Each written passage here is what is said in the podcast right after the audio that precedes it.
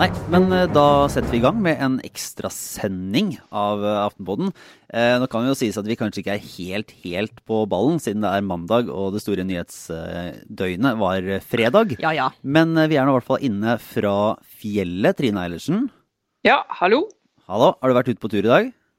Nei, i dag har jeg ikke vært på tur. Vi har takket av noen eh, gjester som har forlatt oss. Og resten av formiddagen har brukt på å lese meg opp på uh, fredagens store hendelse. Lest Vårt Land, lest Dagen. Se debatten som går der. Eh, Det er interessant.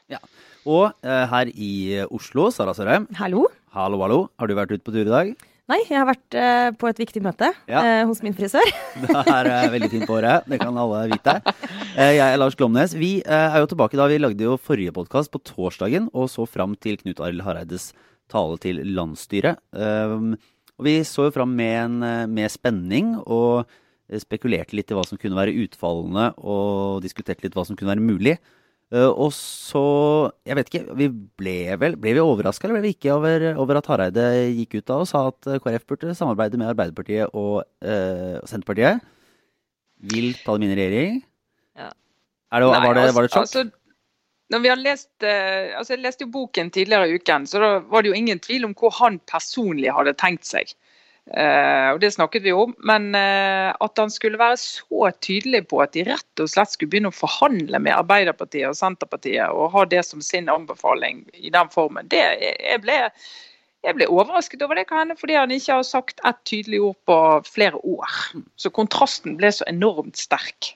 Men vi spekulerte jo i uh, at han skulle velge en veldig sånn drastisk Arbeiderparti-vri, som du omtalte i de eh, politiske eh, bevingede ord uh, ko-ko, uh, Ja, Trine. ja, ja, hva. Hvor, kan ikke bare, Siden det var litt av perspektivet vi satte dette inn i, kan ikke si, hva var Hareides uttalelser og opplegg? Er det innafor din liksom, del av ko-ko-vurderingen, eller er det et annet steg?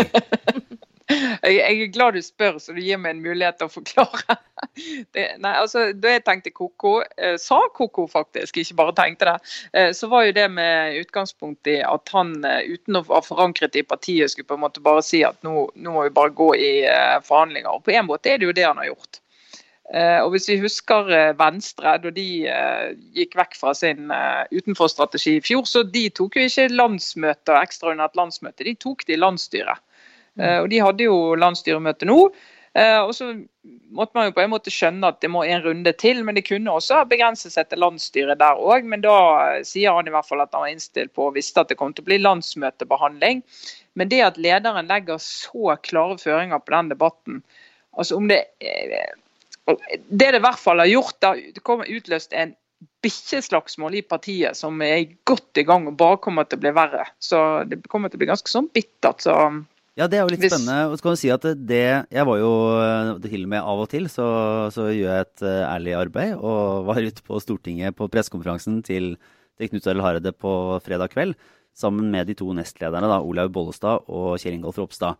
Eh, Og fram til den pressekonferansen, som var klokka seks, var det vel, da var de ferdig med landsstyremøtet, så var jo oppfatningen litt sånn Oi, nå blir det et regjeringsskifte, antageligvis. Fordi Solberg-regjeringen trenger jo KrF for å, for å ha flertall i Stortinget og kunne styre. Eh, og dette var liksom OK, nå skjer det. Og så må jeg si, det er jo ikke så mange politiske pressekonferanser for tiden og, og opp igjen som kommer med sånne store overraskelser. Eller, eller øyeblikk der det liksom Oi, var det, var det det de sa? Nei, det kommer jo, De pressekonferansene kommer jo ofte etter at saken er kjent. Eh, og så er det litt sånn noen sentrale folk kommenterer i etterkant basert på noen talepunkter de har fått av en rådgiver. Og så er det en litt sånn rituell øvelse, alle skal stille et spørsmål og sånn. Ja. Men, eh, men det, ikke, ikke nå!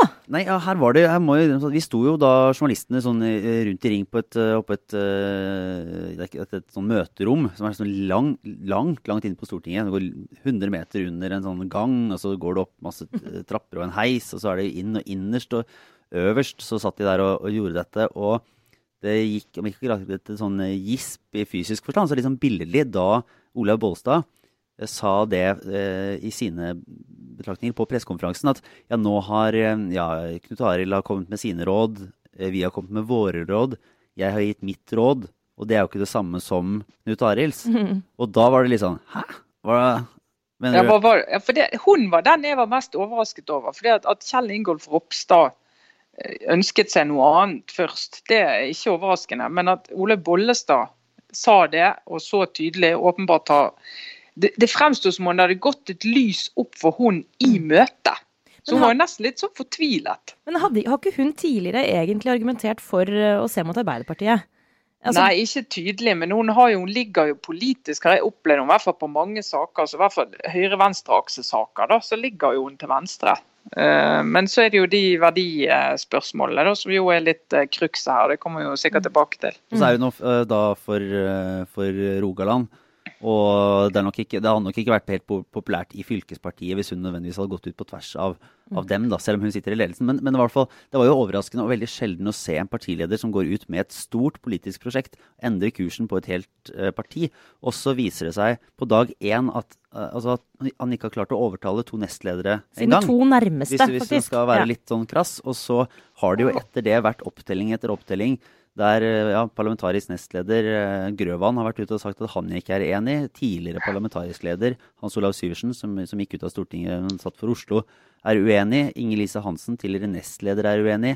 Jeg tror det var en opptelling som VG gjorde som sa at to av hva er det der nå, 11, i hvert fall to stortingsrepresentanter i KrF var i utgangspunktet enig med Knut Arild Hareide. Og da må man si at han jobber jo en oppoverbakke. Ja, og bare for å legge til der, så har eh, Klassekampen i dag en oversikt over eh, sentralstyret som eh, viser at de er helt delt på midten. Basert på både da intervjuer, men også hva folk har uttalt tidligere. Lite forbehold om at noen kan ha endra sin, sin, sist, men der er det altså seks som er mot, og syv, vel, hvis jeg husker riktig i hodet, som støtter Hareide. Sannsynligvis da i sentralstyret. Altså så delt på midten som det er mulig for, for dem å bli. Ja, og så er det jo, altså I stortingsgruppen der velgerne til KrF kommer fra, det er eller de representantene som har velgere i ryggen, og det er jo de som er på Stortinget, de er fra Sør- og Vestlandet. Eh, så når vi skal gå i stortingsgruppen, så er det ikke rart at de ligger eh, til høyre for, eh, for midten. Men det er jo når de skal begynne å diskutere dette på landsmøtet og videre i landsstyret, så tror jeg de kommer til å få en sånn Altså Skal virkelig hver stemme i landsstyret f.eks. telle likt? Hvis du kommer fra et fylke så du har egentlig ingen velgere i ryggen, du sitter ikke på Stortinget, det er et så marginalt eh, antall folk du representerer, og hvor mye skal de telle som faktisk har velgere i ryggen og sitter på Stortinget? Så du kan få en sånn du kan få en ganske bitter debatt rundt det. Eller som en jeg hadde kontakt med i KrF fra Vestlandet nå i helgen, han sa det at vi er veldig konfliktsky i KrF, det er det ene. Mm. Uh, og vi er veldig glad i Knut Arild Hareide. Så mange altså de, de, får, de, orker ikke tenke på at han ikke skal være lederen deres lenger. Så, så det kan hende at han klarer å liksom at folk bare sklir med og tenker at OK, vi får prøve. Mm. Det var litt fascinerende å se, bare fordi man vanligvis så, så sier jo politikere som, som søker regjeringsmakt sånn ja, det viktigste nå er å få gjennomslag for sakene. Men det var jo en av, en av de landsstyret som jeg snakket med på vei ut, som var sånn Han hadde nok ikke bestemt seg helt og skulle høre. Det var, eh, var, liksom, det var viktig at Knut Arild Hareide som leder hadde pekt ut én vei, men det viktigste var egentlig å komme i regjering. Ja. Litt sånn ja, og det altså, er jo flere som har sagt. Ja. Men det, det er jo, Ropstad sa jo også det at mitt førstevalg er at vi eh, forhandler med Erna Solberg.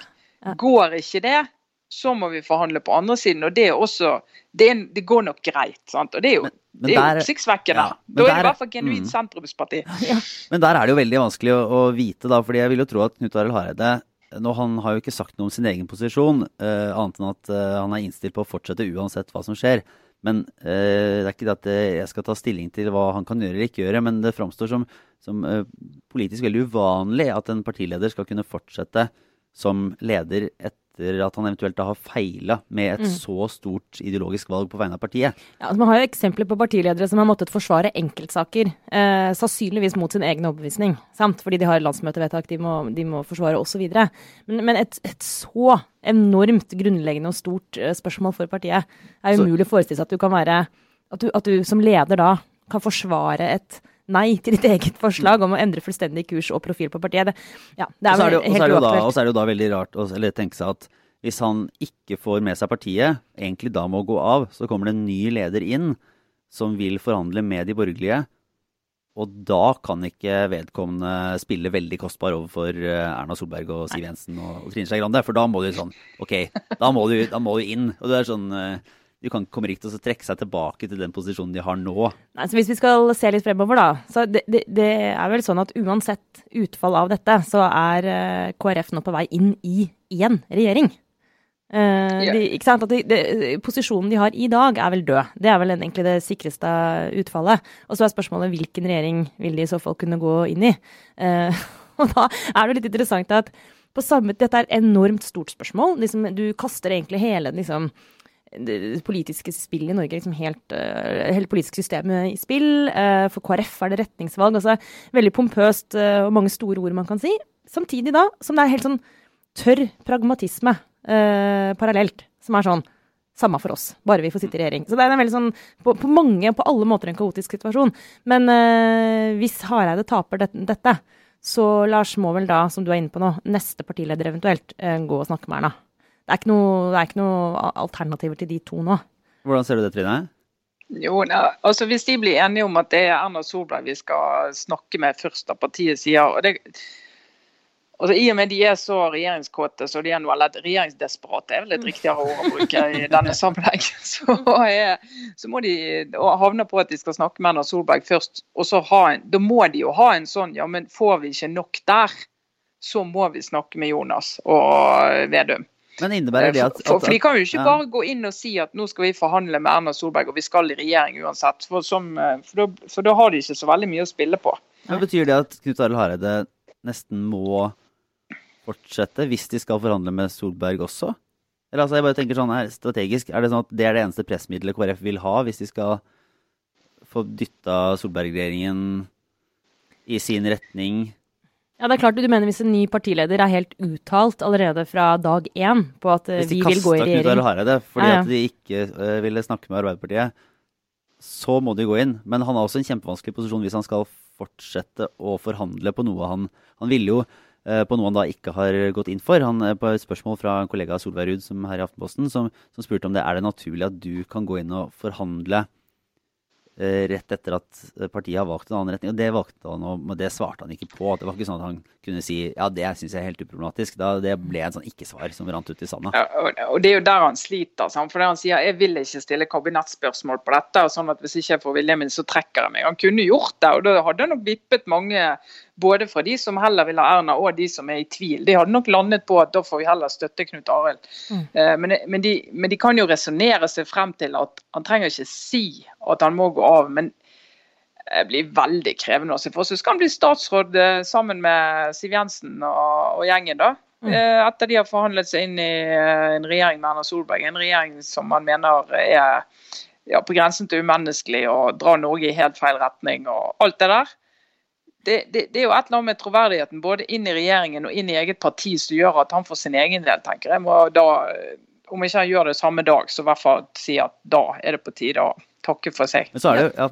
Nei, jeg bare tenkte, Det er jo det nå Det er jo litt, det er sånn, det er en veldig fascinerende politisk sak. fordi det virker som om noen bare har kasta liksom, terningen utover bordet, og så ruller det ruller, og så venter vi på å se om det blir yatzy eller ikke. Mm. Mm. Uh, og ingen vet helt hva som skal skje og alt der oppe. Men man må jo nesten tro da, for Knut Arild Hareides del. Og, og, han er jo en analytisk politiker og en veldig en smart mann som, som, er av de som, som, liker å tenke litt sånn strategi og, uh, og, snakke litt om hvordan man skal gjøre ting. Så det virker jo helt virker urimelig og litt rart hvis han ikke har gjort en ganske kraftig opptelling eller har tenkt gjennom hvordan dette skal kunne skje.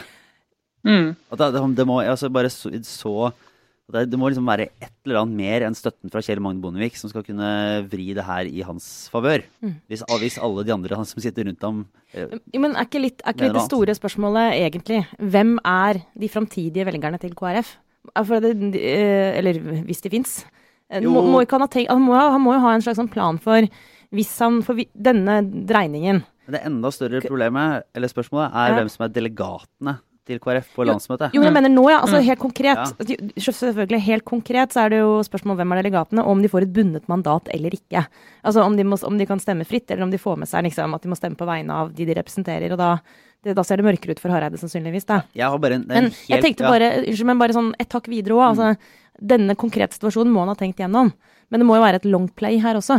Eh, han må jo ha en overbevisning om at det fins noen potensielle velgere for KrF når de gjør denne, hvis de gjør denne dreiningen, så vil de jo også si farvel til en del som stemmer på partiet i dag, må man kunne tro. Altså Når de tar et tydelig retningsvalg, så vil noen bli stående igjen og ikke ville være med. Men da må det ligge en analyse bånd, i bånn der om at det fins et eh, grunnlag for et slags moderne kristent parti, litt sånn Angela Merkel-aktig, eh, i Norge. Og den analysen skulle gjerne liksom, jeg skulle gjerne hørt Hareide Eller jeg skulle gjerne fått eh, resonnementet bak den vurderingen, hvis det er den som ligger til grunn. For hvem i all verden skal det være? Men da er vi liksom over i ikke, altså Forbi den umiddelbare eh, situasjonen, men sånn på lang sikt så er det veldig vanskelig, syns jeg i hvert fall, å forestille meg at selv om man skulle lykkes med å få regjeringsmakt i første omgang, hvem i all verden skal dette partiet være til for? Eh, men det, det, er, det, kommer vi kanskje tilbake til. Dette har du stilt spørsmål om flere ganger tidligere også, Trine. Hva skal vi egentlig med KrF? Men, mm. men, ok, nå er vi kanskje forbi ditt poeng, Lars, som var sånn det helt konkrete nå. Eh, er det 2. november? Altså, ja, eller jeg, vet, ja. jeg tror kanskje at, uh, at, det ene er den, denne liksom, høyere himmel og, større horisont for hva KrF skal nå. Men, men som Trine var litt inne på i starten her, det kommer til å bli et skikkelig slagsmål om å vinne akkurat den politiske fighten nå som varer i hva er det, det er 2. november. 2. november skal landsstyret møtes. Det, landsmøte, ekstraordinært landsmøte. Og da ja, det er landsmøte, ja, ikke landsstyret. Så da er det jo, jeg tror det er omtrent 200 stykker. Og KrFU har jo allerede sagt de har jo sagt, eh, har jo et eh, sitt landsmøtevedtak på at de vil inn i en borgerlig regjering. Mm. Så hvis de binder sine delegater, og hvis stort sett hele Vestlandet skulle være bundet, så tror jeg de nærmer seg det er et ganske stort antall allerede. Og så har jeg bare min eh, teori, eller min, eh, min, mitt spørsmål, som jeg bare ikke har fått besvart ennå, og egentlig ikke har fått stilt, for jeg gjør det nå, til dere som kan være kan, Så vi kan svare på vegne av KrF? Det er jo jeg, naturlig. Jeg, jeg, lurer litt, på, lurer litt på, på, strategien, eller tanken om at, at, man har godtatt så stor uenighet i ledelsen. Ja. Ikke sant? Og jeg bare spør meg om det kan ha, ved å åpne for det, og gi en en liksom tillater mer debatt, om det f.eks.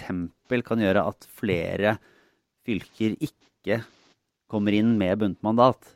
Ja. Og at det dermed, jeg vil, jeg vil dermed løser opp ah. uh, eh, f.eks. noen store fylker. Det er sånn, så kan det være at, eh, at, fylker som vanligvis med et rent flertall ville gått f.eks. til en altså borgerlig side, kommer inn med en sånn 60-40, og det gjør at regnestykket ser annerledes ut. Jeg vet at mange, altså alle som driver seriøs partibygging og i politiske partier, når de skal ha sånne store prosesser, driver jo og teller nærmest på individnivå mm. hvordan mm. ting skal være.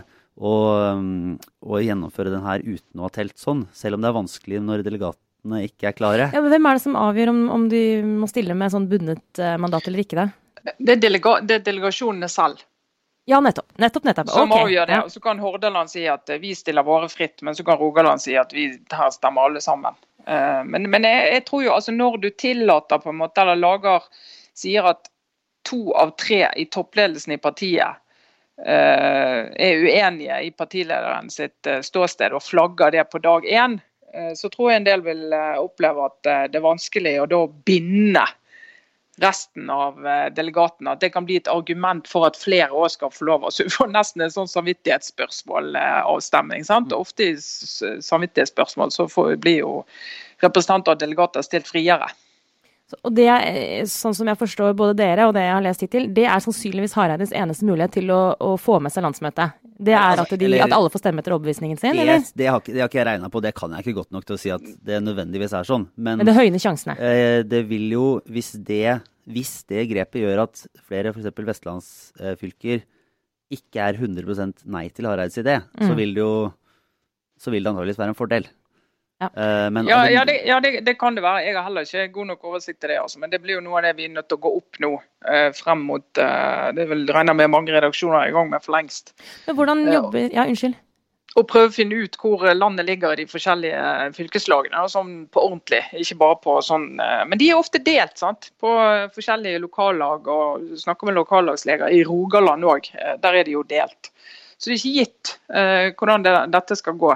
Og så tror jeg for en del for en del eh, av de i KrF så blir det en sånn hva sak er det egentlig vi kjemper for? Det blir ikke bare et spørsmål om, eh, om de kan få lov å påvirke litt mer eh, på økonomi, arbeidsliv, eh, sosial, altså alt det her. Men liksom, hvis det er bioteknologi, å bremse en del der, hvis det er verdispørsmål, altså alle de detaljene rundt det som gjør at KrF skiller seg fra de andre partiene, så tror jeg partiet må inn i en diskusjon av hvorfor finnes vi, og hvor kan vi få igjen noe på de politikkområdene. Men det jeg lurer der, på det, ja. der tror ikke det er helt forutsigbart hvor de lander. Men det jeg ikke forstår, virkelig ikke forstår, det er eh, Nå er det, er det, ja, det er en måned. Altså 2. november skal de ha dette landsmøtet. Dette er jo en helt sånn gigantisk diskusjon for et parti. Eh, og jeg, jeg bare jeg fatter ikke hvordan de skal de klare eh, å svare på det spørsmålet i løpet av liksom fire uker.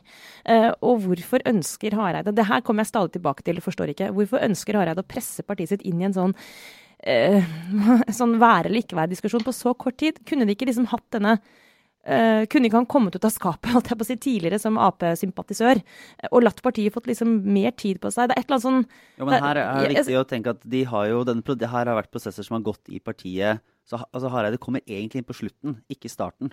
Ja, OK, det Sånn er et godt poeng. sånn Som en eh, partileder egentlig heller ikke bør gjøre. Da, sånn at, jo, ja, sånn at ok. eh, han har Nå vet jeg ikke nøyaktig hvordan det har foregått, men det har vært liksom prosessen i partiet har, og diskusjonen har gått fram mot denne høsten. så, når de da- nå, ja, så når de nå tar den ut i offentligheten, så er egentlig Så- så- ting er liksom vært Det er det eh, er av til. modnet. Si sånn, det er ingen i KrF som, er, som, eh, som har noen god unnskyldning for ikke å ha tenkt gjennom dette fram til nå. Nei, det er ikke så de våkner opp uh, nå på mandag og bare Å, herregud, må vi ta et retningsvalg? Ja. Nei, skjønner. Ja, det, så, sånn sett så, så hjelper det da Det bør være noenlunde posisjonert og gjennomtenkt, da. I hvert fall alternativene.